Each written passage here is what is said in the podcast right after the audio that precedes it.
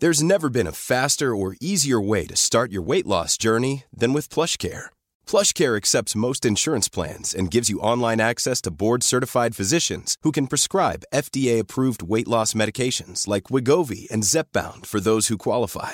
Take charge of your health and speak with a board-certified physician about a weight loss plan that's right for you. Get started today at plushcare.com slash weight loss. That's plushcare.com slash weight loss. plushcare.com slash weight loss. Quality sleep is essential. That's why the Sleep Number Smart Bed is designed for your ever evolving sleep needs. Need a bed that's firmer or softer on either side? Helps you sleep at a comfortable temperature? Sleep Number Smart Beds let you individualize your comfort so you sleep better together. JD Power ranks Sleep Number number 1 in customer satisfaction with mattresses purchased in-store. And now save 40% on the Sleep Number limited edition Smart Bed for a limited time. For JD Power 2023 award information, visit jdpower.com/awards. Only at Sleep Number stores or sleepnumber.com.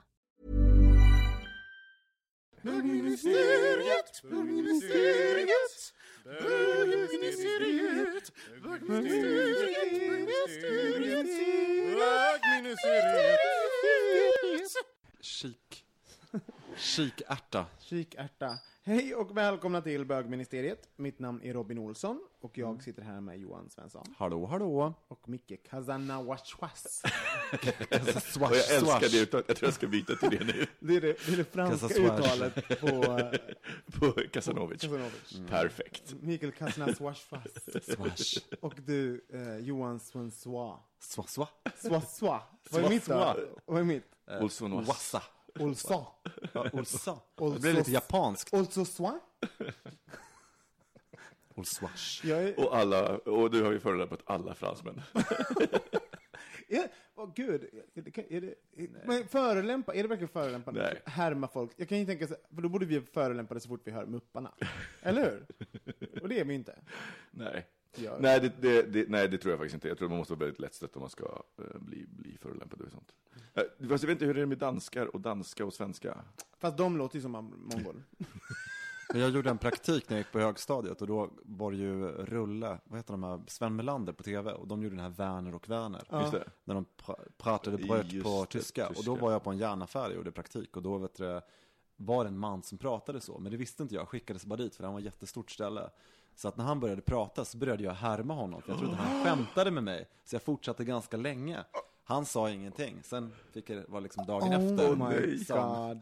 Alltså men, Tänk dig så här, vad gjorde du då en fick veta det? 14-åring som bara, ja vad bra, då tar jag och packar upp den här lådan.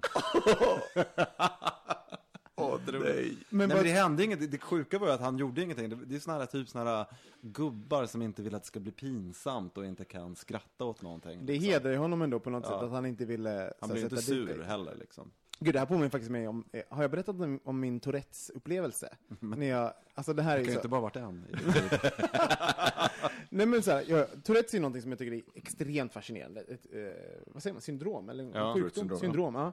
Ehm, och det, det var en kvinna jag träffade på en, på en fest en gång, som alla mina vänner och bekanta visste om att hon hade Tourettes. Eh, det var liksom välkänt i den kretsen som Men jag gud, var det här i låter så mytologiskt att folk har Tourettes. Det känns Ja. som att det är bara en skröna. Att Ja, man nej, det är ingen någon som skröna. har Det, Tourettes. hon hade verkligen Tourettes, men det visste jag o, var helt ovetande om det här när jag gick Ja. på den här nyårsfesten som det var. Vi skulle spendera en hel kväll varför tillsammans. berättar ingen något sånt för? Ja, och taskigt. ingen har sagt det här och alla vet om det. Ja. Eh, och det första som händer den kvällen är att jag hamnar vid henne. Hon är supertrevlig, Ja. men liksom så här, eh, och, och liksom några, ett par minuter in i, ehm, i, i den här Konversationen. konversationen, då börjar hon så här, och sen så bara slår hon sig själv hårt i ansiktet. Hon bara, och sen så bara, alltså du vet med, med, liksom, med knogarna. Och, Ja, okej. och, och jag, eh, och det var, liksom, det var någonting med tajmingen också, du vet det här, du vet, det går en sekund man bara, vet man inte, är det ett skämt eller inte ett skämt? Och i den sekunden så av, avgjorde gjorde jag så här, ja men det är ett skämt. Ja, Så jag bara, och bara slår mig själv i huvudet också. Jag tar min hand och bara dunkar den i mitt eget ansikte. Och, och, och liksom helt ovetande då hånar henne för hennes Tourettes. Eh, Men hon, hon då, här hade jag, i det här läget, om jag hade haft Tourettes, då hade jag stannat upp situationen och bara, förlåt, det- här, jag kanske borde sagt det, men jag har, jag har Tourettes. Jag, Ja. eh, Nu vet jag kanske, kanske inte alla som heller vet, de är så vana att de gör det, så de vet inte om att de gör det. Eh, Men eh, i alla fall, det hände inte, utan konversationen fortsatte liksom, några minuter till, sen bara, och sen slår hon sig själv liksom ännu hårdare i ansiktet. Ehm, och det här har, är den här komediskådespelerskan jag inte känner till? Ja, och jag, och jag var så här, och det här har jag i efterhand, under stress och allting, då, det blir ju mer och, ja, så att eh, jag fortsätter och bara slår mig själv, sitter vi där och bara slår oss själva i ansiktet och bara låter som liksom, och bara, liksom, och sen märker jag att, så här, att de konversationen som är bakom mig i köket då, för vi är runt ett köksbord, liksom tystnar lite grann och ja, det liksom dör ut. Och sen går hon på toaletten. Eh, Då, Kommer teaterviskningen. då kommer någon fram och bara, bara så du vet, hon har, hon har Tourettes. Då- Då har jag varit exakt tio minuter på den här festen. Ja. Alltså tio minuter. Och jag vet, kvar är cirka fem timmar av, den, av det här. Liksom. Alltså, så, men då blev jag också sådär, kunde inte någon, alltså snälla, det var väl så himla... Alltså på riktigt, det, alltså i det läget så hade, så hade man, så hade jag bara varit såhär, Robin. Och just att jag hann tänka också, så bara, är det ett skämt? Och sen så gjorde jag, tog liksom valet, jag tog, liksom hoppade i fullt ut, liksom, men det är, det är klart det är ett skämt. Så jag bara dök ner i, Just liksom, det. ja. Så, ja, så tal om, Smaken. gud. Gud. För andra så här hemska barndomsminnen, när vi pratar om det här med att elaka barn och det här högstadiet. Vi var på klassresa när jag var 11 år gammal till eh, Gotland. Och så kom det fram, så hörde vi ett, ett gäng killar att en, det var någon, det var som två klasser som var med. Att en tjej hade blivit av, hennes kläder hade blivit liksom avslitna av två killar på stranden. Du vet, här, riktigt hemskt. Alltså, men, men som barn tänker man ju inte på det där, utan man tänker att det var en sån här tjuvvassgrej. Men, men vi var ett gäng på sex killar som då eh, var, blev jättenyfikna på, vem är den här tjejen som blev utsatt för det här? Förstår du vad hemskt? Hon var ju offret dessutom. Ja. Eh, och då kan man, där kan man, tänk hur mycket den storyn berättar egentligen, hela det tänket, att det är det första som slår. Så vi kom på den jättebra idén att till frukosten så skulle vi skratta jättehögt och titta på varje tjej som kommer in i matsalen. Och då gjorde vi det. Och klart att den tjejen som hade varit med om det, att hon bröt ju ihop. Men gud! För att vara elakt, eller hur? Usch, det är det värsta jag har hört i hela mitt liv. Ja, men jag vet, det är därför jag kommer ihåg det. För sen när man blir vuxen och man slår den där, då inser man ju liksom, gud vilken hemsk grej man var med och gjorde. Men gud, gud Men det, men det där jag tänker att som, som att, att har du haft ångest över det? Förlåt, har, har du... Hade, Ja, alltså det, det, för, för det måste ju ändå, eh, när man är 11-12 år gammal, då kommer man ihåg allt man liksom är med om och även så här smärtsamma saker. Det måste varit skitjobbigt för den har du tjejen. bett om ursäkt efteråt? Nej men, nej, men det här var ju så, jag kommer inte ens ihåg vilka de här killarna var, eller, eller hade ju en, en skolresa. Ja, Sen så åkte vi hem, så hon gick inte i vår, gick inte i vår klass. okej. Så det var en annan eh, klass också. Annars tror jag säkert att det hade blivit utrett. Så jag tror säkert att de lärarna tog tag i det Mm. hemma sen och berättade vad man får och inte får. Men ja, Ja, förlåt, Micke. Nej men det här är som jag tänker att C.K. Lewis har, har rätt när, för han, han liksom pratade om det här med barn och teknik och Sa du C.K. Lewis? nu hänger inte jag med här. Vadå, vad pratar du om? C.K. Lewis. Eh, ja. komikern. Eh, han, han, han hade en, en, ett, han pratade om barn och teknik, och han pratade om att barn är ganska elaka när de är, när, när de är små, och det är inte för att de är elaka, utan Menar det är du för att de Louis. C.K.? Louis C.K. gud. Ja, jag bara, Jag bara, Ja. C.K. Och så jag bara, nu är det antingen någon forskare jag inte vet någonting om, Min- eller min- så han säger han fel. Ja. Jag säger fel. Louis Eh, C.K. eh, Louis C.K. Och eh, där, där han sa att barn kan vara ganska elaka när, när de är små, men inte för att de är elaka, utan det är för att de testar. Och sen så tränar man i sociala situationer för att man inser att men det är inte så, det är inte så roligt att göra någon annan ledsen. Eh, så, så då slutar man. Men att teknik faktiskt gör att man inte får den här feedbacken, och då kan man fortsätta vara jäkligt elak. Så eh, troll på nätet eh, Ja, kanske så. i, i största, större utsträckning är folk som inte haft eh, social, Men eh, lika mycket social har, har, ni, har ni hört historien om eh, hon, eh, minns inte namnet på henne, men som, som konfronterade sitt troll? Som eh, hon... Hon är var en- barnprogramledaren. Nej, det här, är, det, här är, det här är en amerikansk, eh, amerikansk eh, skribent. Hon är, eh, hon är stor, alltså hon är, hon är, hon är tjock och hon Mm. skriver om, hon bara, you can call me fat. Och så hon, det, hon kör hela det här med att jag ska inte behöva gå ner i vikt. Jag ska Men hon är stor programledare på någon... Ja, hon var med i This American Life och hade en, eh, och, och fick liksom, för att då hade hon, hon hade skrivit texter och någonting om, om att eh, våldtäktsskämt inte är så roligt. Och så, så hade hon fått en, en massa reaktioner såklart. Hon, så fort hon skrev någonting så hoppade ju trollen på henne. Men då det, hade hennes pappa nyligen dött och då var det någon som hade startat ett Twitterkonto. Det var och liksom i hennes pappas namn, så här, the late någonting. Och så, så var det så här, eh, i hans bio så var det så tydligt så här, proud father av, eller så här, att jag har två lyckade barn, ett misslyckat någonting. Och så twittrade han till henne och du vet, hon blev så uppriktigt ledsen för hon, hon verkligen så här, hennes pappa var nyligen bortgången och han var och eh, så hon skrev en text om det och då hörde den här personen av sig och var bara så här, alltså jag har faktiskt ingen aning om varför det här, så här hur, det, hur det eskalerade så här långt. Det var inte verkligen meningen. Så att han sa liksom, här har raderat kontona. Och sen så lyckades This American Life-redaktionen övertala honom att prata med henne. Så hon får alltså prata med honom. Och, och han berättar att så här, han började fundera på varför han egentligen började göra det här. För det, han bara, men jag hatar ju inte kvinnor på det sättet. Det är inte så att jag aktivt går runt och, liksom är, misogyn. Jag har liksom en flickvän. Eh, och, och jag, jag jobbar med kvinnor, så det, liksom, det är inte... Eh, och, då vi, liksom, och det handlade ju verkligen om honom, om att han, han var tjock och var, mådde dåligt över det och tyckte att hon kom där och var så här, vadå, hur kan du vara stolt över det här? Så det var liksom, det var rena projektioner. Men det var så, så otroligt intressant att lyssna på just det här, att trollet som inser hur, hur illa han har gjort någon. Och henne som så här, å ena sidan, så här, det var, hon, hon har varit med om så mycket och det här var det elakaste någonsin har gjort mot henne. Och ändå liksom att hon pratar med människa, människan bakom och inser så här, jag kan inte riktigt hata dig. Så, ja.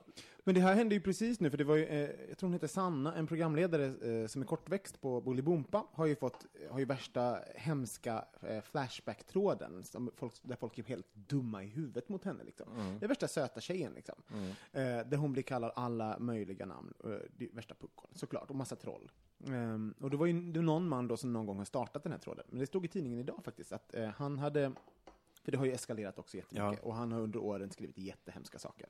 Eh, och, eh, och sen så gick ju hon ut med en debattartikel där hon liksom förklarade hur det här får henne att må. Eh, vilket jag tycker är så himla bra. Mm. Ja, alltså att folk såhär, jag blir ledsen, alltså det är okej att vara ledsen, man måste inte vara stark och bara stå emot och vara den här... Det var den här hårda som bara, jag bryr mig inte. Jag bryr mig inte, jag läser inte där. Utan bara, nej, vet du vad, jag läser det där och jag blir ledsen. Mm. eh, Och bryr mig jättemycket. Eh, Och då hade han i alla fall bett om ursäkt och skrivit till, tror Aftonbladet eller någonting. Och Ja. bara verkligen bett henne om ursäkt. Attention whore. Ja, och sen kan man ju säga så här, okej, gör- gör det att allting goes away? Nej, Kanske det gör det tänk- ju egentligen inte. Men det är Nej, väl så- alltid väldigt trevligt med en ursäkt. Ja. Be om förlåtelse. Men, eh, och därför tycker jag sådana program som T- Trolljägaren och sånt, det är så jävla bra! Äntligen folk som får pay up för vad de gör på nätet. Men det är också därför som jag, som jag är lite, jag är lite tvehågsen kring anonymitet. För jag tycker att ena sidan så är det, så här, det är ett viktigt verktyg och fram, menar, så här, man, man ska kunna få säga saker utan att, eh, utan att behöva få repressalier för dem. Men, men samtidigt så är det ju problematiskt för att det, folk, det gör, tar fram, verkligen fram de fulaste, fulaste sidorna hos människor. Har, du- har ni varit anonyma på nätet någon gång? Liksom? Har ni, är, ni, är ni anonyma på något sätt liksom, på nätet? Nej, jag sällan jag kommenterar i såna här jag läste väldigt mycket Aftonbladet eh, på eh, webben, det brukar jag alltid gå in på för det är lite som jag tycker borde nyheter och lite skvallrigt för jag har ju en morgontidning. Men eh, där är det ju väldigt mycket kommen- kommentarsfält och eh, ja, jag kan tycka ibland att det är otroligt eh, tröttsamt att läsa det för det, det ger inget mer utan det folk har något stort behov av att få utlopp för vad det är det ena eller andra. Sen en annan sak som jag satt och tänkte på här nu när du pratade om detta så är det ju också så att när folk visar sitt fula tryne för jag mådde riktigt dåligt i veckan när den här, de här två killarna som rymde från ett, ett boende och eh, den här vakten som satte sig på den här killen eh, och eh, man liksom hör hur han dunkar huvudet mot ett stengolv. Typ det värsta jag sett. jag mådde, Alltså jag mådde så illa, jag såg det där klippet på TV4 jag kände att jag måste titta på det här för det här är så allvarligt. Och, men i den här kommentarstråden, där är ju ändå folk som har Facebook-konton. Som, eh, där man ser att det finns den här, när den här rasismen blir så äcklig att man försöker rättfärdiga det här, att man inte kan se, det är en vuxen man och en nioårig pojke. Men man kan se att, att undertexten i det här är egentligen ren och skär rasism.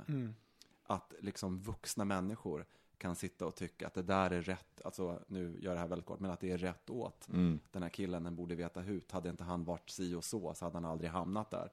Det, liksom att tänka kring en nioårig pojke på det sättet, det är ju eh, för mig, eh, det är liksom, det, sånt upprör mig på, verkligen på djupet. De har ju Det- försvunnit nu också pojkarna. De är ju, de kan inte hitta dem. De har rymt på något sätt.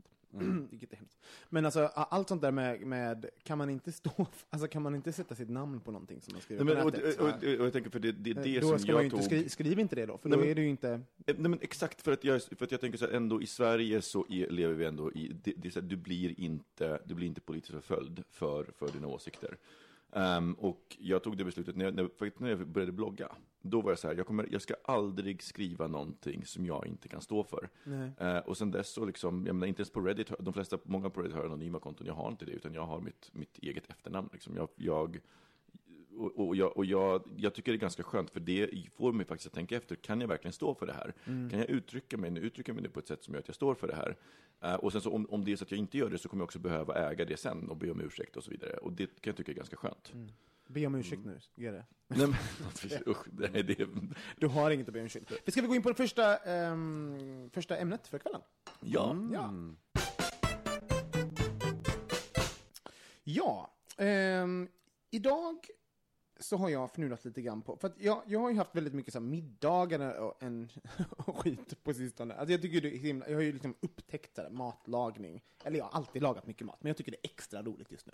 Av någon anledning, för av många anledningar, eh, helt enkelt. Och så undrar jag bara, men hur har jag, hur har jag eh, varför tycker jag det är kul nu och hur har jag ätit genom åren? Alltså så här, vad har min relation till mat varit? För den är ju väldigt Nu ska vi gå in på historieätarna. Robins, vi ska, göra ett program äta om historia. Mitt Robins liv. liv. Ja, precis. Att det är något eget Ja, liv. nej men för att, eh, och då började det liksom, för, för jag, vi kommer hamna någonstans, någonstans jag vill hamna är, eh, eh, är mat som en klassmarkör. Som eh, på många sätt, det är, när, man, när man är vuxen så finns det många sätt, som, som tydligt signalerar typ klass och eh, vilken Och tillhörighet, och tillhörighet, grupptillhörighet. ek-. Mm. ekonomisk eh, ställning och så vidare. Men jag tänker vi börjar lite kronologiskt. Så här, hur, hur, var, hur, hur åt man när man var liten? Vad, vad var det för... Eh, för när jag åt när jag var liten, det var av... här, jag, åt, jag fick det jag, det jag fick. Jag fick, hade aldrig några val. Det var liksom så här, jag fick maten som ställdes framför mig. Sen fick Som jag en äta hund, den. helt enkelt. Ja, som en hund på ett sätt. Vilket gjorde att liksom det, det romantiska kring mat, det var väldigt, eh, det var lite fråntaget. Och sen så ibland då vid högtider så fick man kanske välja sin födelsedag och sådana grejer. Ja, just det. Eh, eller om man lördagar och, ja, men du vet, ibland fick man ju saker som bara var godare. Så jag tror att jag, jag var inte så eh, besatt av mat. Och det var inte så viktigt mat när jag växte upp. Men tyckte du om maten som du fick då? Och så, Ja, du jag åt upp tyckte den? Ja. Maten var god. Jag Men hände det att alltid- du fick mat som du inte tyckte om? Ja. ja. Och, och vad hände då? Åt du upp den eller? Nej, Alltså jag har ett sånt hemskt minne bara. Och det här är anledningen varför inte jag äter paprika. Det är min eh, eh, pappa som var puckad just den gången, som eh, hade gjort, du vet, älskade att laga mat, hade gjort en apelsinsallad med Åh, men apelsin paprika. blir aldrig bra. Apelsin med paprika. Kan Förlåt, ni förstå men det den? låter Ja. hemskt. Alltså Ja, och då var så här, jag var ju jag var liksom en rultig liten unge som åt allt som ställdes framför mig. Men det här ville inte jag äta, för det Nej. smakade röv. Ja. Eh, och jag bara tyckte det var så hemskt. Och då skulle han liksom set an example. Så då skulle jag äta upp den där skålen men med nej, mat. vad- liksom. ja, jag Så jag kommer ihåg att jag började äta när det var ljust och Ja. slutade äta när det var mörkt. Jag bara satt Nej, och tryckte gud. i med den här paprikan och, och, och apelsinen. Och Ja, sen har inte jag kunnat äta paprika sen dess. Eh, ehm, ja, på, sid, So på sad! sidospår Alltså, liksom. ja. Men vad var er relation till mat när ni växte upp? Fick du välja mat när du var liten Johan? Nej, och jag är faktiskt ganska konservativ när det gäller sånt där. Skulle jag ha barn själv så skulle de inte få välja vad de äter förrän de blir kanske, ja men blir äldre. De skulle få äta det, det som faktiskt bjuds. Som bjöds? Bjöds. För jag är faktiskt uppfostrad på det sättet och jag tycker det också är bra. Jag tycker idag så är det många som håller på, vad vill du äta idag lilla älskling? Utan se till att laga och, och fixa bra mat och sen så får man välja när man har fått en erfarenhet av mat istället. Hon äter bara fiskpinnar. Alltså jag vet inte vad jag ska göra. Jag bara, Och men jag tycker så här, varför jag också... svält henne några dagar Ja. så ska se att hon äter. Nej, men jag kan se det där på, vet, för jag, för det är ju också lite grann den, den liksom metodiken som fanns i samhället just då när jag växte upp. Och så att jag är faktiskt väldigt tacksam för det idag därför att jag äter i stort sett allt. Det finns ingenting jag tycker är så här äckligt. Utan det kan vara mat som är mer rolig och mat som är tråkigare egentligen. Men eh, jag har inga såna här... Jag, eh, Vad det fyllde det för funktion då när du var, var, var det, för det finns ju Det olika... handlade ju om att lära sig att äta nyttigt, för det, socker och söta saker är väldigt starka smaker utav grejer. Om du börjar med det väldigt på en gång så är det väl det du lär dig så att säga. Det är svårt att, och om du har ätit eh, Choco Puffs, att börja äta gröt till exempel. Vi åt alltid gröt till frukost, eller müsli, eller fil. Alla de här grejerna som idag anses som vara lite smaklösa, det smakar inte så mycket, men det smakar jättemycket. Men vi är van med väldigt mycket så här smakförstärkare. Så att jag, eh, där, jag faktiskt tycker när det gäller mat att det är så mycket skit med det just nu. Och speciellt... eh, Åt ni alltid så här äh, mat tillsammans? Familjen? Var det så här frukost tillsammans, middag? Var det en, Ja, var det en det- social, socialt Ja, möte? frukost åt man ju tillsammans på, på helgerna, sen på veckolagarna kommer jag inte ihåg exakt hur det var. Men mina föräldrar lagade väldigt mycket mat, de gör ju det fortfarande också. Men lagar eh, och gjorde jättemycket olika recept, testade massa olika saker. Så därför kanske det här med att, att jag lagar mat bra nu, det handlar ju om att jag tycker det har, jag har någon slags, jag var, jag var, sen var jag också så här, jag uppfostrad var tvungen att hjälpa till hemma. Mm. Eh, jag var tvungen att laga mat, jag och min syster hade såna grejer, man skulle laga mat, man skulle diska, man skulle städa. Alltså, så att vi var ju på något sätt redo för livet också. Det är, det, det är liksom en, det är en eh, fråga om hur att förbereda sig. Mat är inte bara den här lusten och att man ska äta gott. För Utan så är det ju lite är att nu, klara sig. alltså, laga, känner ja. jag. Och Hur mycket var det för dig? När du, alltså, för, vi, vi åt alltid, när jag tänker efter så åt vi alltid middag, eller för det mesta liksom middag tillsammans. Min mamma, det var ju min mamma som och för det mesta lagade mat. När hennes man lagade mat så var det bara hemskt, för han, verk- alltså, han kunde inte laga mat. Eh, men det var Vem? Din- din- min, mina systrars pappa. Ja. Eh, och så det var oftast min mamma som lagade mat. Och min mamma är, jätte, hon är jätteduktig på att laga mat. Eh, och, och laga god mat. Och jag kommer ihåg att jag, jag åt det mesta. Det roliga är att ofta man pratar om skolmaten, alltså som barn, så det var aldrig äcklig mat i skolan. Nej, inte jag minns inte heller. Alltså, vet, du, så här, folk idag bara så här, har så här, eh, minnen, de bara myggar under pannkakan, jag bara ugnspannkakan, älskar med saftsås. och den här och, äh, platta pannkakorna som var, som var lite så här, som hade stelnat. Ja. Det var så himla gott att de var lite så Men här. vet såhär, blodpudding, leverbiff, alltså give it to me, pölsa. Jag var, jag var, jag, jag var bästa ungen när jag har Du var en self-feeder när du växte Men det har vi sett på bild också. Self-feeder, precis så. Eh, var det. Så att det, och jag, jag tänker att så min relation till mat, eh, var, var, så jag, jag åt det jag fick. Och Mm. sen så var det, det enda jag fort, och det är fortfarande inte äter, det är så här, jag kan inte äta fläsksvålar. Alltså du vet när det kommer folk som tycker, när folk tycker så här helstekt eh, så här, fläsksida, med, alltså med svålen. Mm. Jag, det får jag kvällningar av. Men annars så äter jag verkligen allt. Och jag är glad för det, för jag tror att det är samma anledning. Ja, sen fick vi fiskleverolja också när vi var små. Nej! Jo. Det är sånt man bara ser på film. Ja, nej men det är också såna här grejer, så att det tog vi. Grät ni och sen... Fly, nej, ja, men Alltså, det, det så- smakar ju helvete och det gör det fortfarande. Men då fanns det ju inte tabletter på det sättet och så här som idag som man köper det. det.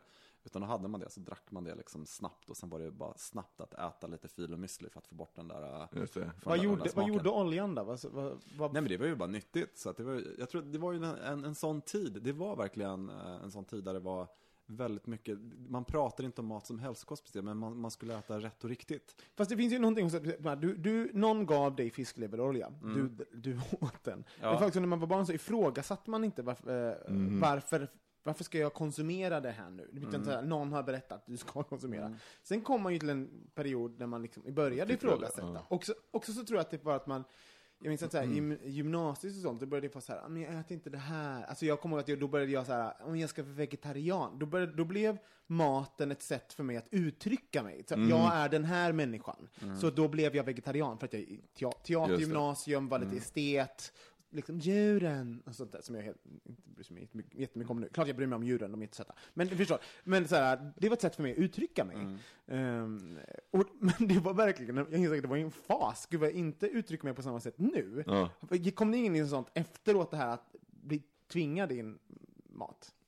Att ni så här, Nej, men, men jag tycker det är intressant att du pratar om det här med att vara vegetarian på högstadiet, gymnasiet. Jag tror att där eh, skiljer sig lite åt i och med att du växte upp i en storstad, men i, det fanns ingen status på den tiden, med att vara vegetarian och så, utan åt du sån mat, då tänkte man att det där är en sjuk människa som behöver en specialkost. Ja, men förstår du? Man tänker liksom, vad är din sjukdom? Ja, men faktiskt. Så att den här grejen som finns idag med, med eh, ungdomars eh, eh, olika mattillägg och så här, det är liksom, jag har inte ens ett endaste minne av det. Nej. Utan det fanns en kille på mitt dagis som var laktosintolerant. Och han fick istället för glass typ vispat ägg och sånt där. Så att det är ju någonting i vår tid just nu. som... Men det kan ju också vara att vi konsumerar saker på ett annat Alltså, men vi konsumerar ju kanske ännu mer utsträckning kött och mejeri. Alltså, jag menar, vi, köttproduktionen har ju ökat extremt mycket de senaste 20 åren. Och allt det där. Så jag menar, ehm, Men men för jag, för jag tänker när jag, jag tror att det, stö, så här, det största ärret som jag, för, för det roliga är att mat, mat används ju ofta som barn, så här, det är belöning, det är straff och, och man får en och det, är konstig relation till mat. Och ju, min konstiga relation till mat är att eh, ungefär samma som för, för ungdomar, eh, som, som jag tror att ungdomar och svenskar Men nu har hänger när det måste gäller alkohol. förklara det med belöning och straff. Men belöning och straff är så här, om du inte äter upp maten så händer det här. ja. Eh, eller ät upp, ät upp nu, eh, om du gör det här så får, inte gör det här så får du ingen efterrätt. Eller om du gör det Ja, här så får du efterrätt. precis, just det, exakt. Så att- det. så att Ja. mat- Gå till ditt rum, Ja, Så, att det. god, så att säga, söt, sötsaker är liksom en belöning, alltså det är lite hund, alltså visst, eh, så. Ehm, och eh, för mig så fick det samma sak som jag, som jag ser hos, hos svenskar när det gäller eh, alkohol och i viss utsträckning om man ska ta, ta, ta, ta droger. Det är så här att när man väl får chansen, ge mig allt och lite till och liksom så här binge. Och jag kom in i en period när jag var så här, eh, just när jag kunde bestämma själv, att jag, kunde, jag hade så svårt att vet så här, ha en, ha en påse hemma och bara ta en godis. Mm. Utan det var så här, måste äta upp allt. För det kan, nu är det någon slags så här, det kan ta slut-tanke. Ny, li, lite nyrik där. Nej, men jag, jag har samma sak, alltså, men jag, alltså inte, fortfarande, men jag har haft liksom, så här, att det är... Eh, sen, tyck, sen tror jag att det handlar jättemycket om att man har haft mycket syskon, många syskon. Ja. För liksom, jag kan ju säga så här, eh, fredag, fredagskvällen kom, eh, 24 karat på, på tv. och sen, så, ja, men liksom, Ja, jag har totalt förträngt, men yes. Dal- Dallas, man skulle kolla på det. Ja. Fram kommer eh, liksom, ostbågar, chips, skål på bordet Mm. och sen bara liksom, och så var det ju bara, ät, ät så snabbt du kan så att du får något. Eh, och det, och för mig var det kvar väldigt länge. Alltså, Ja. jag tänkte, så här, det är ju så man konsumerar goda saker. Ja, Äta dem jättesnabbt. Jättes, exakt så. Alltså, det, det, alltså, i, för mig så var det där upp till, långt upp i 30-årsåldern. Ja, jag tror fortfarande, alltså på många sätt, om jag verkligen vill belöna på Johan ser- Men om Liksom, jag jag verkligen bara- vill belöna, alltså jag kan ju, så här, jag kan ju, bestä, jag kan ju bestämma mig så här, bara, nu ska jag svulla. Och då är det så här, då köper jag så mycket så att jag vet att det kommer inte, aldrig kunna ta slut på något sätt överhuvudtaget. Exakt. Så att jag bara, och sen så bara, oftast äter man ju liksom en tiondel. Precis, exakt så. Så det handlar mer om att man Nej, visuellt... men, ja, men exakt, och, och, det, och, jag har, alltså, och det är så roligt att jag tänker på det, och det har tagit så lång tid att jobba bort Mm. det där. Men det är ju någonting med saker man inte får. Jag minns att min syster hade, det här är också jättestarkt jag hade när jag var liten. Min syster, när jag upp, upptäckte dillchips, som faktiskt är det enda chipset jag egentligen tycker om än idag, på grund av den här upplevelsen. Eh, och, och då hade min syster en påse dillchips bredvid sin säng. Jag fick inte gå in till, i min systers rum. Eh, och sen har hon lämnat den lite på glänt, så gick jag liksom förbi min systers rum, så, jag bara, så såg du vet där, tjock och lite, lite snasksugen, så här, åt, åtta år och bara såg den här glittriga, liksom, folieaktiga på, ja men vet så här, så ligger där vid sängen och bara vet att det är chips där i. Så jag bara så smyger in, jag vet att hon kommer hem så här, liksom, tio minuter senare, så bara fort som fan gick jag. Och, så och hon var ju, vi, hon, det här är alltså systern som, när hon fick 30 kronor av mamma, gick och köpte 60-50 öres eh, eh, tuggummin, vägrade ge mig någon, något tuggummi och bjuda på det, gick upp, tuggade upp alla tuggummin och gjorde dem till en boll och sen gick hon ner och kastade bollen på mig. Nej, men nej. Vi hade av... 60 tuggummin! I alla fall, jag gick in och sen så, så liksom jag visste ju att I will be in trouble om hon, upptäcker mig här inne. Och så, vet, så stoppade jag in i handen så tog jag ett dillchips och jag bara Alltså det var det, det, var det godaste jag ätit, på grund av att jag inte fick lov att äta det. förbjudet. Som en oblat. Jag fick inte äta. Och du vet, jag bara... Så liksom, sen, sen blev det en sån här att jag gick ut och sen så bara stod och tittade igen, jag måste ta ett chips till. Så höll jag på så tills jag blev påkommen såklart. För jag sprang ju så, så girig, liksom åtta år gammal och bara sprang in och ut tills syrran kom hem. Liksom. Så bara, vad fan? Ja, och, eh, och just det där med förbjudna, att, att förbjuda sig själv vissa saker och sånt. För det, så den relationen kan jag fortfarande ha med mat, att man är så här, att jag, att jag belönar mig själv. Eh, ja men lite sådär. Är, ni, är ni sådana i vuxen ålder att ni kan belöna er själva med mat?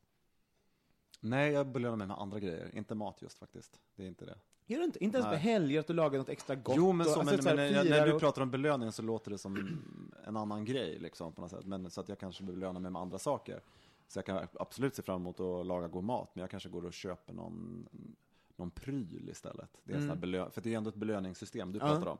Så att det gör, mat har aldrig varit en sån grej, att, att nu ska jag få unna mig någonting. Utan, eh, men, eh, utan det, så det tror jag om alla olika grejer där. Att någon går och köper kläder, någon går, du vet man har olika belöningssaker. Mm. Så det kan vara olika. Men jag, det är roligt när du berättade det där med chipsen, för att jag hade en sån, After Eight var en sån här liten, som kunde finnas hemma ibland i hushållet. Och då gjorde jag så att jag åt dem där, men drog aldrig ut påsarna. Nej. Så att helt plötsligt när min mamma och pappa skulle käka dem så kanske det var två kvar liksom, så här, i den där. Så absolut, jag kan absolut veta de här förbjudna pleasure-grejerna på något sätt. Men det är inte så att det är idag att jag längtar efter att gå och bara glufsa i mig en after eight-grej. här. Men, men jag kommer ihåg den känslan. Och sen också när jag var liten, i och med att det faktiskt var ett väldigt liksom 70 in på 80-talet var ju ett sockerlöst samhälle. Sen kom det där andra lite, för det är ändå en skillnad i, även i åldern mellan dig och mig, när, för jag vet- jag vet precis vad du pratar om. Men då var det ju så också att, eh, att min mamma upptäckte så här att hon bara, varför är det liksom, varför är det det var sån för hon hade ett café, så det var sån här sockerströare, du vet som finns på kaféer. Och eh, en sån liksom upptäckte hon att liksom det bildades liksom en grön kristall kring, kring pipen. Och det var ju för att jag var där och sög på det här sockret och snor åkte ner. Den där, Sött och salt på samma ja, gång. precis, just det. Så att det, det, Du det, bara, det här är så gott. Snor men- och men det är- socker är det bästa För jag det som ätit. inte fa- det som, för när du berättar din historia, för jag tror att just det är en liten halvgenerationsgrej där, det är att, att jag hade inte fått lära mig så mycket namn på produkter, så jag visste olika saker. Du kan ju berätta om det här exakta grejer. Mm. För det blev så med sen, det kom lite senare, bara tror jag 10, 5, 10 år senare började det komma med det här med med produkter. Det var fortfarande lite påvärt faktiskt ute på landet. Nej, men- det var, men jag Ja. tänker det var det även i stan, för jag, jag tänker att här, i, i, när man köpte, alltså det var, det var, fanns någonting ehm, festligt över att få, alltså en, en cola. Det, det var liksom, det var något Ja. väldigt festligt, eller en, en, en glass för den Det var delen. kommunism i Dalarna. Jag ska ju prata om så här, åt- åt- 80-talet, liksom, som att det var liksom...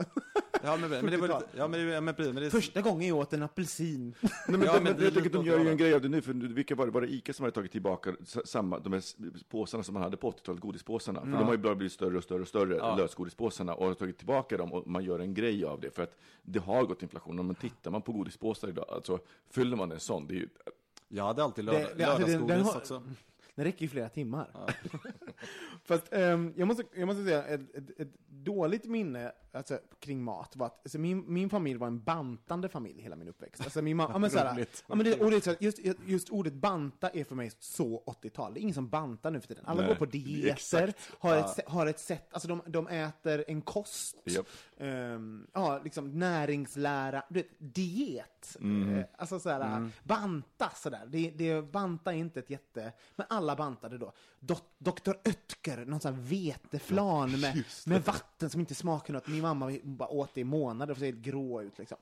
Eh, och min mamma gick på sådär eh, bantningstabletter ifrån Danmark som var olagliga i Sverige. Som var, det var ju någon sån här form av... Efedrin eller Efedrin, ja men det som bara helt jätte. Och, och det här lärde jag mig jättesnabbt, liksom väldigt, väldigt ung ålder, att, att mat är även någonting skamligt. Så här. Alltså att äter du någonting så ska du även, du ska även må lite dåligt över det. Eh, liksom, du kan inte äta goda saker utan att ha ångest. Och eh, du, eh, äter du någonting ska det även få konsekvenser. Ehm, så att liksom, jag minns att jag var, jag var kanske åtta år första gången jag bantade så här, och, och blev liksom medveten om mitt eget utseende. Och för att jag då hade hört min familj eh, prata om sig själva på det sättet. Ja, just det. Ehm, och sen så var jag kanske 11 när jag började stjäla min mammas bantningspiller för att jag skulle så här, också vet det här olagliga danska, som klart mamma inte vet om det, fick hon veta massa år senare, hon blev ju snortokig såklart, för att jag kunde ju typ dött. Ja, just det. Ja. Ehm, men så, att, så för mig så, så Tokig på sig själv. Ja, och, och, och, och så, så för mig också så tror jag att det är när jag, sen så när jag började eh, liksom, träna massor och sånt där, liksom, så jag tror att jag, jag nu på ett sätt har faktiskt den mest eh, hälsosamma synen på min kropp, för att jag inte är jättebesatt av den. Eh, samtidigt som jag då kanske behöver träna lite mer. Men, men ehm, ja, så att jag, för mig, jag har haft en ganska komplicerad eh, ingång till mat. Liksom. Men jag tänkte vi ska gå in lite grann i nutid, hur vi äter nu. För att, eh, hur vi äter och eh, sätten vi äter på eh, kan man ju, det är ju socialt, liksom. Vi äter ju socialt, vi träffas. Det är typ en av de få grejerna som jag gör med mina vänner utöver att liksom gå ut och festa och sånt. Liksom. Vi käkar och käkar och käkar. Så här. Ehm, och sen så även då så har ju det finns ju saker som jag äter idag som jag aldrig skulle ta i med tång när jag var liksom så här 16 år. Som med tiden har, alltså ens palett då har liksom på något sätt, har den mognat eller har jag då gått på för, för, jag, jag, jag, Men, bara- ge exempel. Ex- På. ostron, ostron skulle Mm. jag aldrig ätit. Alltså det, ehm, ja men liksom patéer, eh, Mm. alltså här, en- prova en grisfot. Alltså det är sådana saker som är liksom delikatesser och sånt där. Liksom. Äh, ja men hamburgare. Mm. Ja men det har du. När jag, ha- jag, som 16-åring så hade jag inte ätit den japanska frukosten liksom. Nej. Och liksom det, ja, ja. Så, hur, hur, har, hur har sättet ni äter på idag Men jag tänker på en sån här ändrats? amerikansk dokusåpa när hon tar med sig, en, hon är bjuden på restaurang och hon Ja. tar fram sin plastsked för hon tycker att det är lättare att äta med den. Så här. Ja men det är Ja, just det. Ja. Men, eh, synen hur den har förändrats. Ja. Eh, Hur äter du idag som du inte åt när du var 16? till exempel? Eller eh, okej, förlåt, eh, 20 när du precis flyttade hemifrån, 19 liksom. mm, det är väl klart att om jag tittar genom åren som har varit så är det klart att jag äter mycket mer lagad mat. Det gör jag liksom. Men det är återigen, det återkopplas till ett, att det där fanns redan för mig i tonåren. När jag var 16 år gammal, då kunde jag laga mat.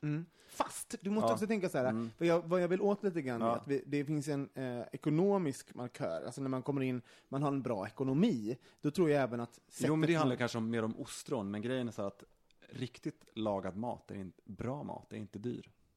Eh, jo, vet du vad? Det är vilka märken man väljer, vad det är. Ja, fast det är också alltså, en annan sak, men att kunna, men att laga riktigt lagad mat. Från, rå, från, alltså från, från, råvaror, från från råvaror scratch. Från är inte dyr mat. nej. Och det, och Det- det som jag, tänker- för det Ja. roliga när jag tänker, så jag tänker på, på, på i vår grupp då, Mm. eh, det ska enligt bögministeriet, så är det roliga att det finns två personer som jag upplever som har, alltså för mig, det som jag skulle vilja ha en sund relation till mat, och det är Johan och Ulf. Mm.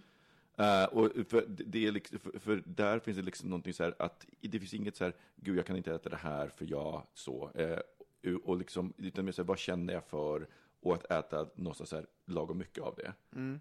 Eh, Medan jag, jag tycker att vi alla vi andra har liksom våra hang-ups eller Ja. våra liksom Nej, men det enda som är för mig är att jag tycker att de senaste två åren har jag ätit för mycket junk food som jag aldrig har gjort tidigare på det Nej. sättet. Går ut och äter mycket skitmat. Det är helt, det är ganska ovan vid egentligen.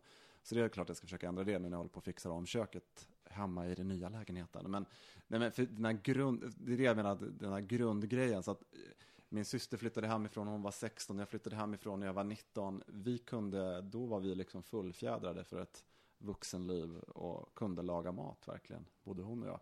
Sen var det så att, så att när jag flyttade hemifrån var runt, eh, liksom, eller när jag flyttade hemifrån, mitt problem var ju så att man var lat. Så att jag liksom under den tiden, för det är klart jag visste hur jag skulle laga mat, men det var ju mycket att man, för det hör tiden till. Jag läste på universitetet och då var det, man eh, åt mycket smörgås och drack kaffe latte. Mm. Förstår du vad jag menar? Det är det som är, eh, alltså det är en, en sån grej. Men jag visste, det är liksom att ha sig själv. Jag visste att om jag behöver laga mat slänga upp en middag så kan jag det liksom.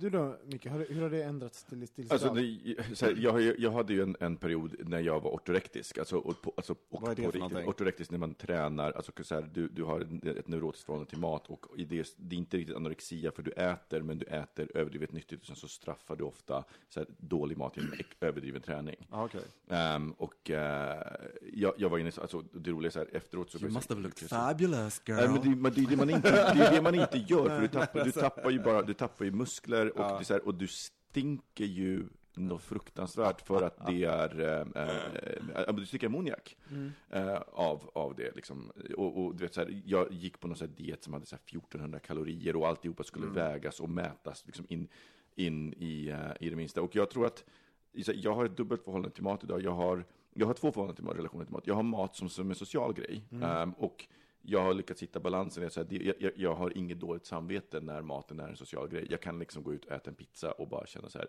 in, inte känna gud vad, vad jobbigt att jag åt en pizza. Men sen när jag äter själv, då, då är mat bara liksom energi in. Det är som att tanka en bil. Och jag är så här, jag, jag är mån om att det ska vara nyttigt, men det behöver, alltså smaken är nästan egal. Det är så himla intressant. Jag skulle aldrig kunna äta någonting som jag inte... Alltså det är inte så att jag Tycker tycker det det är, det är inte så att jag tycker att det är äckligt, men det är bara så här, det är. Och det ska liksom inlastas in, och för att jag behöver det här. Det, det där är så... eh, Jag, jag kan känna igen det, jag har haft så här perioder när man liksom haft, eh, när man har jobbat, när jag liksom, under min karriär och eh, pluggande, så man hade dåligt, dåligt med pengar. Då kan jag också vara så att då åt jag saker som jag ändå visste var en, men det kanske inte var så himla festligt Mm. komponerat. Jag skulle kunna äta två ägg och vet man äter det som man vet är nyttigt och Ja, men- koka en broccoli eller du vet något sånt där eh, och sen käka det liksom. Men tycker ni, att, tycker ni att mat är en eh, klassmarkör? Ja, absolut. Alltså jag beställde ju häromdagen så började jag beställa så här, eller testa den här första veckan så här matkassa hem. Ehm, och med, med så här färdiga recept. Eh, och jag menar, det, det är ju såklart att det är en klassmarkör. För, även, för jag menar, den ligger väl, om jag kollar på någonstans så här 50, se- mellan 50 och 60 spänn per portionen, per portion, vilket är mycket för egenlagad mat. Mm, Eh, det, är liksom, det är ett dyrt pris, och det, men då får man ju den hemkörd och sådär. Och jag menar, det är ju en, om något en klassmarkör, Mm. att jag har råd med det och, slipper, och, och liksom köper mig den tiden. Ehm, så att, jag- eller, eller att jag, att jag tänker så här, jag är ju, jag är ju samvetsvegetarian och det är också en så här otroligt jävla privilegierad grej. Att bara säga, gud jag, kan, jag, har, jag, så här, jag har råd att bara säga, jag äter bara ekologiskt kött. Eller jag väljer att göra det och sen så kan jag säga, ha mitt rena samvete. Det är ju också en klassmarkör. Så, utifrån det perspektivet. Har, när blev du medveten att det, om, är du medveten om att det är en klassmarkör? Tycker du att det är det? Johan? Ja, på, på, liksom en, en, på en samhällsnivå. Men jag har inte liksom tänkt på, på det kring mig själv så mycket. Vad, vad, vad jag utstrålar och hur andra tolkar det. Det gör jag faktiskt inte. Men jag vet, jag, jag kan tycka att det är supersorgligt att liksom att eh, i eh, att eh, låglöneländer där blir folk feta därför att man äter liksom industrimat och sånt. Därför att man har inget annat. Så att jag kan tycka att det är liksom på ett, på ett, i det stora perspektivet. Sen kan jag tycka att det finns ett enormt snobberi just nu kring, kring maten som handlar om att liksom skilja agnarna från vetet och faktiskt ge folk skuld som absolut inte har råd att gå och köpa den här lilla påsen hos Zytomierskas butik på Karlavägen eller 8 to 8 som ligger vid, vid Mariatorget. Jag går dit och handlar ibland men det är liksom överpriser på allting. Och så ska man hålla på och sen med pekfingrar berätta att nu är det köttfri måndag och det är liksom det ena med det andra liksom. Och då känner jag så här, shit om jag hade liksom två barn hemma och liksom med den, jag är trött ändå ibland liksom när jag jobbar. Och tänka så komma hem och känna mig så jävla duktig så känner jag liksom fuck you all skulle jag tycka faktiskt. För att det är den, den grejen. Och matkasse i all ära liksom. Jag kan eh, förstår det att liksom om man är ett medelklasshem och har någorlunda betalt, då är det väl en väldigt smart, eh, smart idé.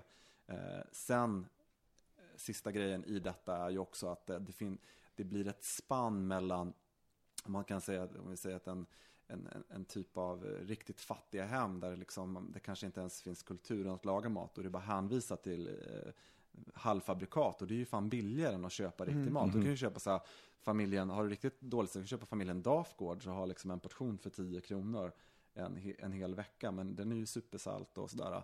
Eh, Så att jag, jag, jag kommer inte från något privilegierat hem så, men jag fick ju lära mig att laga mat. Och det har ju varit, det har varit en sån viktig grej. Så att hemkunskapen är ju så viktig Men, men jag, fortfarande i tänker, skolan. för jag tänker det knyter an till en annan sak, för vi, har ju, för, för vi eh, lägger ju mycket mindre pengar relativt sett idag Mm. på mat än vad vi någonsin har gjort. Eh, så maten är billigare än någonsin. Jag lägger så mycket pengar på mat. Jag måste Ja, bara säga. och då är, det, då, då, är det, då är det verkligen undantaget, för idag så lägger vi, alltså jämför du med, med för 20 år sedan så lägger vi mycket mindre av våra hushållskassa på, på, det, eh, på, eh, på det. Och samtidigt så har, så, så det är det som har fått fram de här halvfabrikaten, och där jagar man ju hela tiden genvägar, för det ska bli billigare. Det är ju därför vi fick den här hästlasagne-skandalen. Det är ju liksom vi som konsumenter och producenterna som, som äter gärna häst. driver, Ja, driver jag fram faktiskt. Nej, det. men, det, det, det, det är liksom en sak, men man, kanske om man inte förväntar sig att det ska vara häst, det står lasagne på nötkött och sen så är det så här, en gammal eh, sliten ponny som inte orkade längre dra vagnen och så. Som, Jag njuter lite extra när jag äter häst. Nej, men, men grejen är så att, apropå, apropå det här med liksom att, att, att ha det som en markör och så här, jag, det, matsnobberi är faktiskt det värsta jag vet. Alltså, Mm. Men ni- det är ju jättevanligt. Ja, Alltså, men, ja, men, här- men, men ni som mina liksom kompisar kan komma hem till mig, men det är ju ett intresse. Jag bjuder ju på någonting liksom. Men jag skulle aldrig vara, liksom, eh, vara en, för när man vet hur det ligger till liksom, på, Mm. på massa olika sätt så skulle jag, men jag, jag visar gärna saker på Instagram vad jag lagar mat, men det är för att jag tycker att jag är duktig på det och jag kan det. Och det är inga lyxingredienser, jag skulle aldrig liksom hålla Nej, på men det- med det- det- det- KB-kött och sånt där skit och Men jag eller jag vad fan det nu handlar om liksom. Men för- jag märker också att det finns en, jag har ju genomgått någon form av, liksom, eh, att jag har ändrat min syn på, på hur, liksom, hur jag själv lagar mat och sånt. Liksom. Eh, och det inser jag också att det handlar om att, för, för mig handlar det om ehm, att jag nu har möjlighet att så här, unna mig själv saker. Alltså det är så här, och även då kan jag unna mig själv att laga så här rolig och god och dyr mat. Så för mig så är det nästan när vi pratar klassmarkörer, jag, jag tänker på väldigt sällan på andra. Men jag kan se det väldigt tydligt på mig själv, hur jag själv har hand, hur jag handlat till exempel. Jag minns att förr så var jag väldigt, mätt, kollade väldigt noga vad allt kostade, vilket märke det var och sånt där. Mm. Och för mig är det, det är kanske den största och bästa vardagslyxen, att gå in i en affär och inte behöva titta på vad någonting Ja, kostar just och köpa det jag vill. Och för mig, är, för mig inser, inser jag då, oj herregud, det, där är det en an, där, här är jag någon annan i, i min relation till till exempel hur jag köper mat. till exempel. Jag ska, vi ska avsluta det här, jag vill bara dra en, en sista, eh, nu, ska, nu ska jag säga tre känslor, eh, och så ska ni säga vad ni äter när ni känner de här känslorna. Okej, Micke, när du är kär, vad äter du då? Åh, vilken bra fråga. När jag är kär, vad jag äter då? Åh, jag, skulle, jag skulle spontant säga att Ben Jerrys, det är kärlek för mig. Och du då Johan? Men gud, ja men då, det sätter nog igång mycket fantasi. Jag äter väldigt mycket saker, tycker om att laga mat. Jag tänker nog väldigt extra på de här grejerna. Så kärleken finns för mig till maten. Det är därför jag tycker om att laga mat och bjuda andra på den. Det är Mm. liksom en kärlekshandling. Så för mig är mat just det här, om du träffar någon, det, det är faktiskt att Men du måste säga en rätt. Men, då Skulle jag, ja, men, då skulle, ja, men, men, jag, men för mig är det att bjuda på någonting eh, fortfarande. Så att jag skulle nog tänka att jag skulle göra pannkakor. För det tycker jag är faktiskt en sån här gullig grej. Mm. Ledsen? Vad möter du? Ja, jag, jag, när jag är kär så skulle jag, då skulle jag, eh, jag tror att jag skulle liksom bjussa till då. Alltså såhär, då skulle jag nog inte göra något, den där, något fo- folkligt. Jag hade tänkt tvärtom. Jag hade, då ska jag göra någonting, någon fin stek eller något sånt. Alltså sådär. Ja, men det, ja, men, Jo, men det skulle jag också men jag göra. tänker Ja, när du lägger, lusten till mat, att det handlar om, det är mycket igång då liksom. Ja, men jag tänker när du lägger det så, för, då, för Mike fyllde ju år bara för, och, och så önskade han sig, och jag var bara så här, my god, jag har ingen aning hur man gör det, och, så, och jag har ju kommit ut här också som icke matintresserad, jag hade ju en podd om det, och så slänger jag ihop här en caesarsallad från scratch, eh, som blev fantastisk, och en så här, eh, bolognese med, med Italian sausage, som också blev helt fantastisk. Och det var faktiskt otroligt roligt. Cooked det, with det var, love. Och ledsen, vad äter du? då blir det Ben Jerrys. Alltså jag och Ben Jerrys, det är min tröstmat. När Mm. jag, alltså när jag är ledsen, bring it. Ostbågare för mig, Johan. Ledsen? Eh, men då äter jag väl inget, jag bryr mig inte om mat. Ah, du är den. Du är den ja. Den jag önskat jag var. Ja, exakt så. Okej, när ni är osäkra. Då äter jag allt. Allt som är i närheten. jag bara, mm. Jag tycker osäker och nervös. ja. Eh, Jag tror att jag blir, jag, jag, jag blir, då blir jag kontrollfreak och blir extra, så här, jättekontrollerande med maten. Det är Okej. få gånger som jag har liksom varit så kontrollerande med maten och så här, exakt. Va, vad sa du nu? Det här- Osäker. Mm. I En, o- när du känner en situation där du känner dig osäker. Gud, vad, men jag skulle jag äter choklad kanske. Mm. Mm. Toppen. Då byter vi ämne. Mother's Day is around the corner. Find the perfect gift for the mom in your life with a stunning piece of jewelry from Blue Nile. From timeless pearls to dazzling gemstones, Blue Nile has something she'll adore. Need it fast? Most items can ship overnight. Plus, enjoy guaranteed free shipping and returns. Don't miss our special Mother's Day deals. Save big on the season's most beautiful trends. For a limited time, get up to 50% off by going to BlueNile.com. That's BlueNile.com. Many of us have those stubborn pounds that seem impossible to lose, no matter how good we eat or how hard we work out. My solution is PlushCare. PlushCare is a leading telehealth provider with doctors who are there for you day and night to partner with you in your weight loss journey. They can prescribe FDA-approved weight loss medications like Wagovi and Zepbound for those who qualify. Plus, they accept most insurance plans. To get started, visit plushcare.com slash weight loss. That's plushcare.com slash weight loss. Planning for your next trip? Elevate your travel style with Quince. Quince has all the jet setting essentials you'll want for your next getaway, like European linen, premium luggage options, buttery soft Italian leather bags, and so much more. And is all priced at 50 to 80% less than similar brands. Plus, Quince only works with factories that use safe and ethical manufacturing practices. Pack your bags with high-quality essentials you'll be wearing for vacations to come with Quince. Go to quince.com slash pack for free shipping and 365-day returns.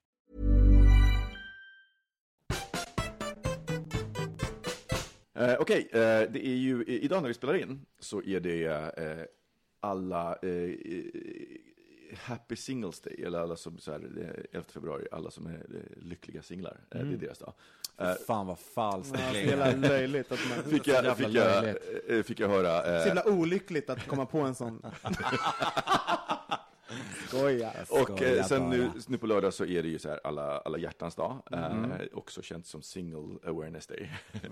Eller Single Purchase Awareness Day. Känt i var? Nej men jag? det, det, det, det är ett så här skämt, det uppgår som ett skämt, det är så Sad Day, Single Mm. Awareness Day, Okej. Sad. Eh, eh, eh, som, som en eh, motprestation. Och så, eh, det, det här, det här, de här tankarna slog mig samtidigt som jag obsessade, för jag obsessar just nu över en låt som är jättegammal, eh, Tove Los eh, eh, Habits. Mm. Eh, för att när jag började lyssna på texten så var jag så här, alltså det är, det, det är, så här, det är jag i, efter en breakup liksom. Att, Jag, jag lyssnar aldrig på text. Jag blir så, alltid så fascinerad folk som lyssnar Ja, på men text. inte jag heller. Jag har aldrig varit en textmänniska Nej. och nu lyssnar jag på den här texten och jag bara så här, jag- dels så tycker jag den är så naken och jag bara, men gud, hon, hon skriver om, om mig och någonstans också kanske som jag ser bögar, för liksom så, när man, när man har en, en breakup. Så jag tänka på Mhm. det här med, med relationer eh, och vad relationer kostar och sen när man är tillsammans med någon och, och du vet, jag bara, för, för här fick mig också tänka så här, gud, hur, hur skulle jag hantera om jag och Mike gjorde slut idag? Och jag bara, Alltså, och det är väl därför som jag, som jag går igång på den, för jag bara säger, Mm. gud, det är exakt så. Alltså det är så här,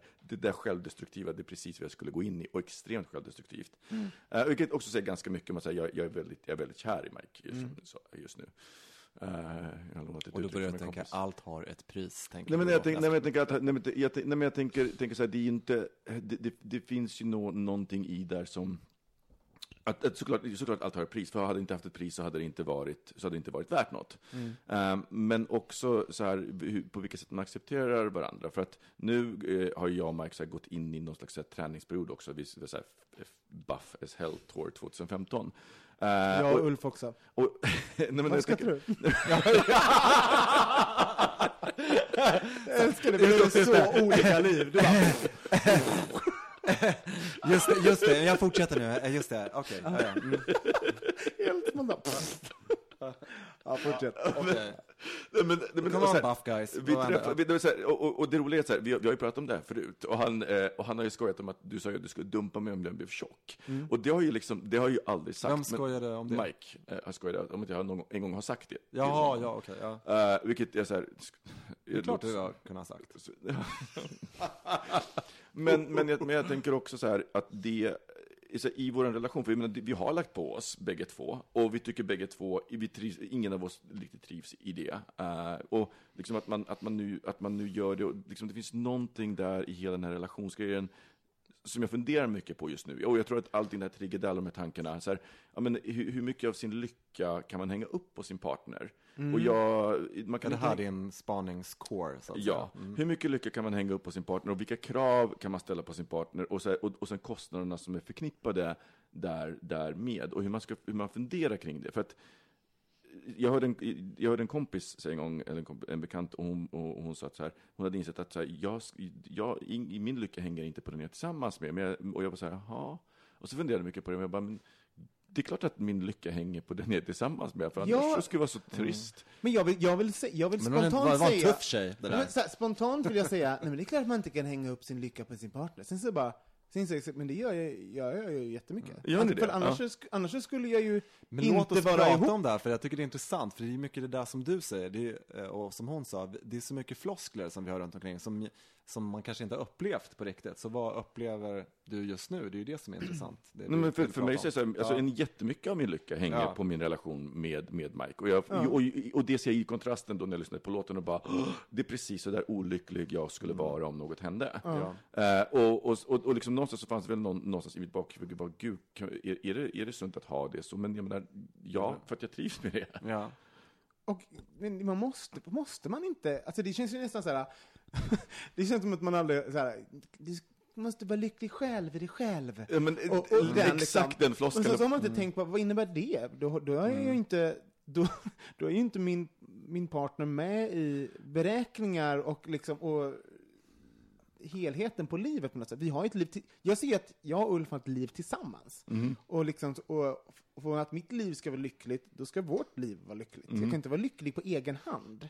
Det är ju en jättekonstig sak. Mm. Hur kan man vara lycklig på egen hand i en relation? Då är det ju en olycklig relation. Ja, det, det, det, det, Eller? Men jag Johan, tänker vad också- säger Jag du? bara, Men jag tänker också, för att om, om vi tar en, en, annan, en annan aspekt av det då, det här med, med, med, med, eh, utseende, så här, ja, men om, jag, om jag nu går in i träningsperioden, att, att så här, vid vilken, när, när gör, man, gör man det för sin egen skull, när man gör för den andras skull? För det, det är ju inte, det är inte en, en antingen eller, det är inte en binär, utan det är en glidande skala. Och att så här, när gör man det för mycket? För jag tänker ju också själv, jag, jag är ju ganska bra på att, för jag försöker att inte döma folk, men jag är ganska bra på att döma folk ibland, och som förlorar sin identitet i en relation. Och jag tänker att det är väl kanske det som är så, när förlorar man sin identitet? Så, så folk som blir tillsammans och sen har den andra personen på sin profilbild på Facebook. Där blir jag lite så här, Det är ju konstigt. ja, Snälla, jag, hörni, lyssnare, ha inte er partner på profilbild på, på Det kan ju Facebook. också vara en sån här kontrollgrej också. Att man inte handlar bara om det, utan att man vill äga. Just det, att man vill visa det, här, det här är min. Ja, precis. Ta inte den. Men jag, jag, jag kan ju, på, lite, på ett sätt så kan jag ju, det finns en- en del i mig som kan tycka så här, när folk gör saker för sin partner, som kan tycka det är lite härligt. Alltså så här, jag håller mig snygg för den personen, jag gör det här för den, alltså det, jag vet, man, och det tror jag även så här att man, att man har lärt sig att du ska göra allt för dig själv, det är viktigt att du mår bra. Ja, men vet du vad, om, om eh, motivationen finns där att du ska typ träna, äta bra eller bete dig på ett sunt sätt och eh, din motivation och eh, incitament till det är, är din partner. Go for it, säger jag. Jag tycker inte det finns någonting som säger att man, man måste göra det för sig själv. Nej men, för, för, oh, gud, förlåt Fuck. Johan. Jag bara, nej men jag lyssnar. Johan är såhär, jag lyssnar. världens sämsta på att, såhär, att ha ett, såhär, ett face som eh, verkar intressant om han, när han blir såhär, du bara, bara vrida på det, yes. Så dålig pokerface. Vad ska jag säga? Nej men, eh, för att jag, jag tänker också, det handlar om vilka krav man ställer på sin partner. För jag har egentligen, jag har inte tänkt så mycket på att så men, men jag eh, Vad ställer du för föredrar- krav då? Nej men så, jag föredrar när Mark är vältränad. Liksom, så, som han, Men som han ställer är du det som krav? Nej, Föredrar nej, det, sak? nej, det gör jag inte. Jag föredrar, men jag upptäcker också att så här, vårt sexliv blir så, har blivit så jävla mycket bättre. Mm. Bara, bara Han orkar ju med när han är inte så tjock då. Men vad, vad, och vad är dina krav? Om du måste tänka, Nej, men vad det- är dina det- krav på din partner? Och jag tänker, det, det är ju inte ett krav, för jag skulle inte göra slut med honom för att han blev tjock. Nej. Eh, Så det är inte krav, det är ett önskemål? Det, ja, precis. Ja, det har du kanske rätt i. Ja, ja. Mm. Då är det önskemål. Men, men just det här att, att och det känns, och, och det känns så hemskt, för det känns så otroligt ytligt. Mm. Att så här, gud, nu, så här. För, för får man, får man eh, det är också så här, önskemål är intressant, för man måste ju inte uppfull, uppfylla alla ens partners önskemål. Det är bara, vet du vad, jag önskar mig en miljon kronor, kan du ge mig dem? alltså, eh, så- förstå, för, det finns ju den, så att önskemål är ju en sak, men vad har du, jag blir intresserad nu, Micke, vad du har för krav. Vad är dina krav? Uh, vad är mina krav? Ehm, ja, men, ett, ett krav är tillit. Det är ett absolut krav. Det, det är där, det- för om det inte finns tillit så finns ingenting annat. Nej. Det är väldigt svårt och, och det, det, tillit skapar en, en stor frihet i relationen. För, Men det är också abstrakt på ett sätt. Alltså tillit, det är ju någonting som flyter och har sig. Alltså såhär, eller? Ja, och det, det, det är det, men, här, men, men att, man, att man jobbar för att skapa, skapa tillit i relationen, skulle jag säga. Så att man, man, försöker, så att man, försöker, så att man är ärlig med, med vad man gör, för det skapar, så här, det skapar tillit.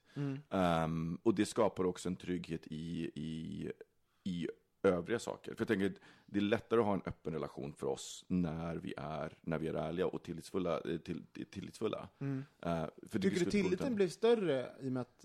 Det, lustigt nog så, bli, så blir den det. Den, när ni här fick en öppen relation? Ja, Mm. den blev det. För att, och framförallt när vi pratar om det eh, så blir tilliten större.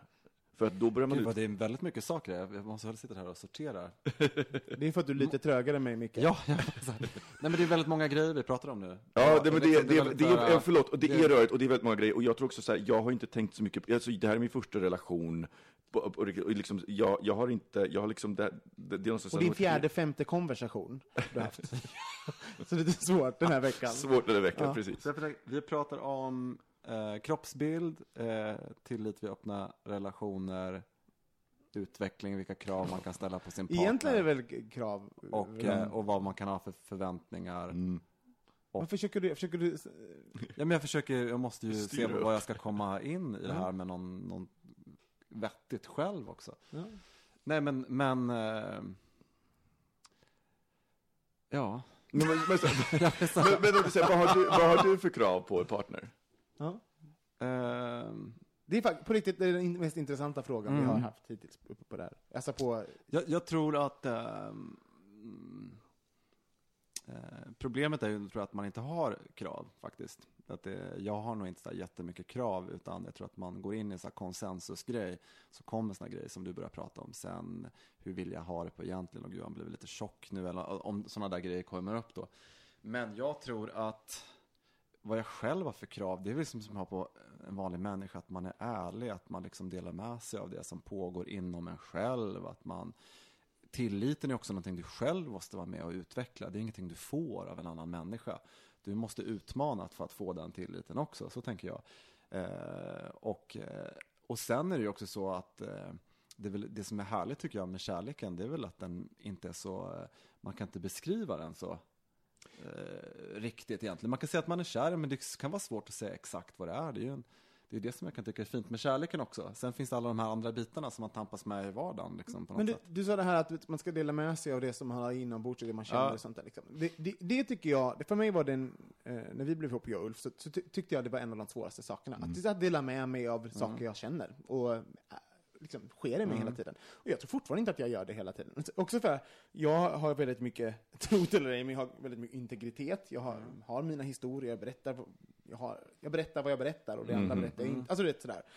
Ehm, så, så på ett sätt så kan jag tycka så att man måste i en relation eh, ha även sina egna små ytor och sina egna platser. Alltså som är, och då snackar jag om här, saker som jag kanske inte alltid vill prata om, eller saker som jag känner och inte vill dela med mig av allting. Jag la upp en post på, som ni kan titta på i, på bögministeriet på Facebook. Ja. Och den kanske, nu när det här sänds, så kanske bara några... några Vi länkar till, vi länkar Ja. till den i, i Ja, precis. Och den är ju, det, det handlar om hur mycket vi ljuger för varandra och Mm. liksom att lögnen är en viktig ingrediens. För att det finns ju också undersökningar på det här med par som håller samman, att det är de som pratar lagom mycket som Mm. håller i längden. De som pratar för lite eller för mycket, så åt, ett annat håll istället. För att om du pratar för mycket så kan det också vara att du ber din andra partner ta ansvar för saker som du egentligen ska klara själv också. Mm. Det som du ska ha färdigt med dig. Om du, ja men du vet, lite sådana Mm. grejer liksom. Så jag kan tycka det där är, är spännande. Det där är superintressant faktiskt. Ja. Att man lagom mycket. Ja, lagom mycket. För att, eh, jag, jag stod, hade ju samma utmaning och det här, men det roliga är att eh, distansrelationen gör det också extra svårt, därför att jag behandlar väldigt mycket antingen hos mig själv, och sen så jag liksom checkar jag av det, och sen måste jag göra en mental anteckning, just det, det här måste jag prata med Mike om, om jag vill berätta det. För det kan hända att jag klarar av saker så här, men i ett samtal med mina vänner, eller bara när jag tänker igenom det, och någonstans är det så här, jag är så lösningsorienterad, så då checkar jag av det, och sen så tar jag lägger det till bagaget, och så händer det saker i mig under den här veckan, när vi inte träffas. Och, och sen så tar jag inte upp dem, så att det blir, det blir, så här, det blir en extra utmaning i att dels att jag är dålig på att göra det, och dels som, så att när, när jag väl gör det så kan jag göra det väldigt mycket för mig själv. Men eh, alla säger ju alltid så här, ärlighet också så här. Det, ärlighet är ett krav. Så här. Jag, bara, jag vet inte om jag vill ha, jag vill inte att, att allt ska vara... tycker jag. Ja, men jag, jag, för mig är det nog så här, vet du, tillit är Mm. ett krav. Jag vet inte om jag vill ha 100% ärlighet Ärligheten kan ju hela vara, vara så tiden. brutal och väldigt kärlekslös. Ja, så Men- att jag, Det är det som fuck är- 100% Men det- men ärlighet. jag tänker det är det- det den här artikeln också handlar om som står Ja. på. Det handlar ju som om, om lögnen och hur mycket vi ljuger i mellanmänskliga relationer, även till vår partner och så. Men, men också att det handlar om faktiskt respekt Mm. mot den andra personen. Ja.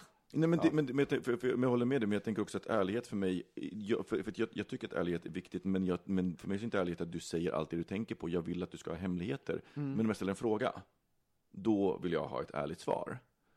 Liksom, något, Ja, men- jag har, jag har ju vänner som har så här, sagt saker som det här, nu, nu kör vi 100% ärlighet. Och det är för, menar, för det, alltså, nu är 100%, alltså, så här, och då kan jag tänka, tänka så här, 100% ärlighet för mig och 100% ärlighet för Johan Svensson här, kanske är två olika saker. Alltså förstår? Väldigt olika saker. väldigt För jag olika. menar, då, det kan ju innebära så här bara, Det är du att social- olja ut i håret nu. Men det är, så, det är så social, att vara så totalt socialt inkompetent. Ja, egentligen. det är blir ju så att man eh, har en, Aspergers. Som en man ska vara. Aspergers person. Som bara, Nej, ex, exakt, så att för mig, så att det, det, det, nu när, när, ni säger det så inser jag att det är så man kan, man kan tolka det, men för, mig så är tolkningen alltid så här att man svarar rätt, men inte alls att man liksom, Det är ju väldigt, det är ju väldigt ofta folk säger det där. Men nu måste vi ärlighet. återgå till det här själva, vad är egentligen kärnan i det här som du, den här, om du försöker en gång till bara ta det här ett varv, det här jag har, riktigt jag, jag, jag om. jag vet inte. Jag, jag, det här Det var alla, liksom det alla hjärtans de dag har vi i alla fall framför oss. Alla hjärtans dag har vi Mm, framför den oss. 14 på lördag. Um, och jag, jag tycker men, väl att man kan köpa konceptet oavsett hur kommersiellt det är. Att man kan väl Hitta Mm. någon liten tanke eller någon liten gullig present. Det är väl kul? Nej men det, det, det, det tycker jag. Jag har faktiskt hittat världens bästa kort till, till du? Mike. Det kan jag, jag kan säga det för han lyssnar inte på podden. Nej. Eh, men, men när första gången som vi träffades, vi, när vi låg ju första gången som vi träffades. Och det, är så här, eh, Mm. och det kortet säger så här, yeah, yeah, eh, I'm glad that we got drunk and, and slept Mm. together. Vilket är, För jag skulle kunna säkert prata I, I på- glad, I'm glad for the felching we did first time. Jo. För det kan vi prata om, det skulle vi kunna ägna ett helt program om och prata om det där som du pratade om, eh, bögar i relation och träna kropp slash en öppen relation. Det är ju som ett helt kapitel Gud, vi för en borde, hel timme. vi borde prata Ja. öppna relationer. Det borde vi, vi prata med dig med Micke faktiskt. Det- Mm. Om du... Men det Absolut. kommer ju ta hur lång tid som helst. För det, jag menar, det får vara ett eget, eh, eget Men, men eh, program. Det är intressant med krav, för att jag vill bara dra den sista kravgrej. Mm. Också så här, jag tror att faktiskt att den enda kravet jag har är, eh, för att avsluta min tanke, är tillit. Mm. Det Men, men jag krav. vill också avsluta en sak, för att det här med krav, det också ingår i det här otroligt jävla stora egot alla ska ha nu för tiden. Man ska vara så jävla medveten om vem den andra ska vara för dig, och det är bara, släpp det. Mm. Det är ingen så här, det var liksom som en tjej som hon var så glad hon hade träffat en kille, för han, he ticked all the boxes. För han gjorde det, han Ja, var den, okej, att han man, var den. att man har så stora... Men det är det som är kravet. Jag tycker inte att man kan, du kan ställa krav i situationer som, som händer på något sätt, för annars blir det bara jävligt ytligt. Det är Ja, men- bättre att ta tjuren, för det andra är idealbilder man skapar. För dina, du, du känner att du får svar på ditt krav, Mm. så att säga. Men det, det, det föder bara ditt ego. Jo, men eh, den, den håller jag fullständigt med om. Ja. För jag tänker att, att för, för jag tror att för mig så är tillit allmängiltigt. Det Ja. vill säga, det är inte bara ett krav på, på relation med, med, med Mike, utan det är Jag, ju för, vänner. jag förutsätter tillit. Ja, men, förut. Ja, jag men, förutsätter. men, men jag tänker också, om, jag ska, om man ska avrunda det här med Det krav. finns inte allt det där. Förlåt. Nej, det men jag det förutsätter den tills det blir en konflikt och den inte finns. Mm. Förstår du? Jag förutsätter den hela tiden. Mm. Ja, Så för, att, för, eh, att, för att jag, jag tänker också, det finns ju det finns också förväntningar, och det har jag inte så funderat fullt så mycket på förrän jag fick frågan av en kompis, hur ser du på Mike om du skulle dela upp relation, din relation i så här, eh, kompis, pojkvän och bror, eller så här, familjemedlem?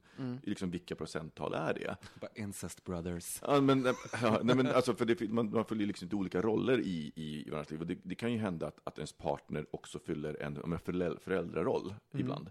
Eh, men, och, och det som är intressant är att jag insåg då en, en stor anledning till varför jag och Mike hade lite bråk. Och det är att jag, jag såg på honom så mycket mer som pojkvän och jag hade väldigt lite vän. Medan han har en högre vänförväntan på mig. Vilket vi skapar såklart, såklart så här att, att när jag känner så här att jag inte gör någonting tillsammans med honom, så här, han gillar, när jag inte går och, och så här, tränar crossfit, eller går och springer med honom. Det, och då tolkar han det som att du är inte min vän. Medan jag säger, men det är väl klart att du ska göra saker på egen hand. Och det gjorde att jag kunde, helt plötsligt kunde jämka.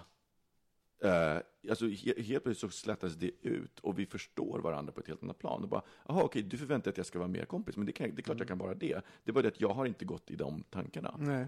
Men jag är ju lite KK, ska man väl säga. De, de visa orden och avslutade där.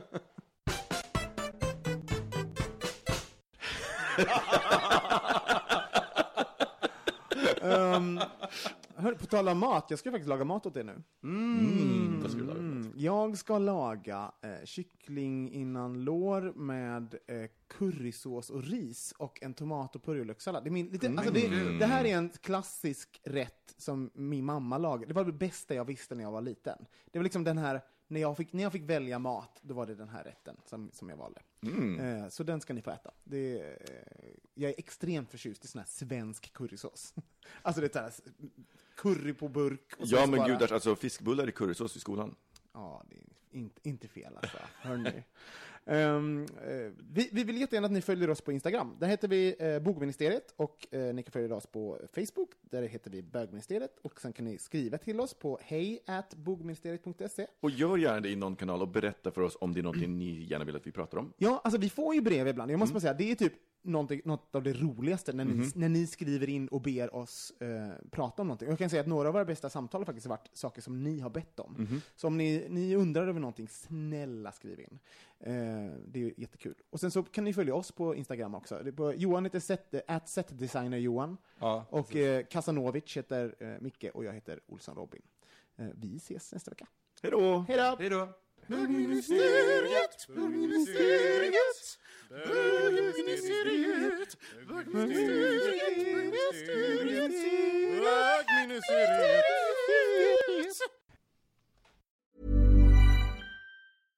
Imagine the softest sheets you've ever felt. Now imagine them getting even softer over time. That's what you'll feel with Bowl and Branch's organic cotton sheets. In a recent customer survey, 96% replied that Bowl and Branch sheets get softer with every wash. Start getting your best night's sleep in these sheets that get softer and softer for years to come. Try their sheets with a 30-night guarantee. Plus, get 15% off your first order at bowlandbranch.com. Code BUTTERY. Exclusions apply. See site for details. Even when we're on a budget, we still deserve nice things. Quince is a place to scoop up stunning high-end goods for 50 to 80% less than similar brands. They have buttery soft cashmere sweaters starting at $50, luxurious Italian leather bags, and so much more. Plus, Quince only works with factories that use safe, ethical, and responsible manufacturing. Get the high-end goods you'll love without the high price tag with Quince. Go to quince.com/style for free shipping and 365-day returns.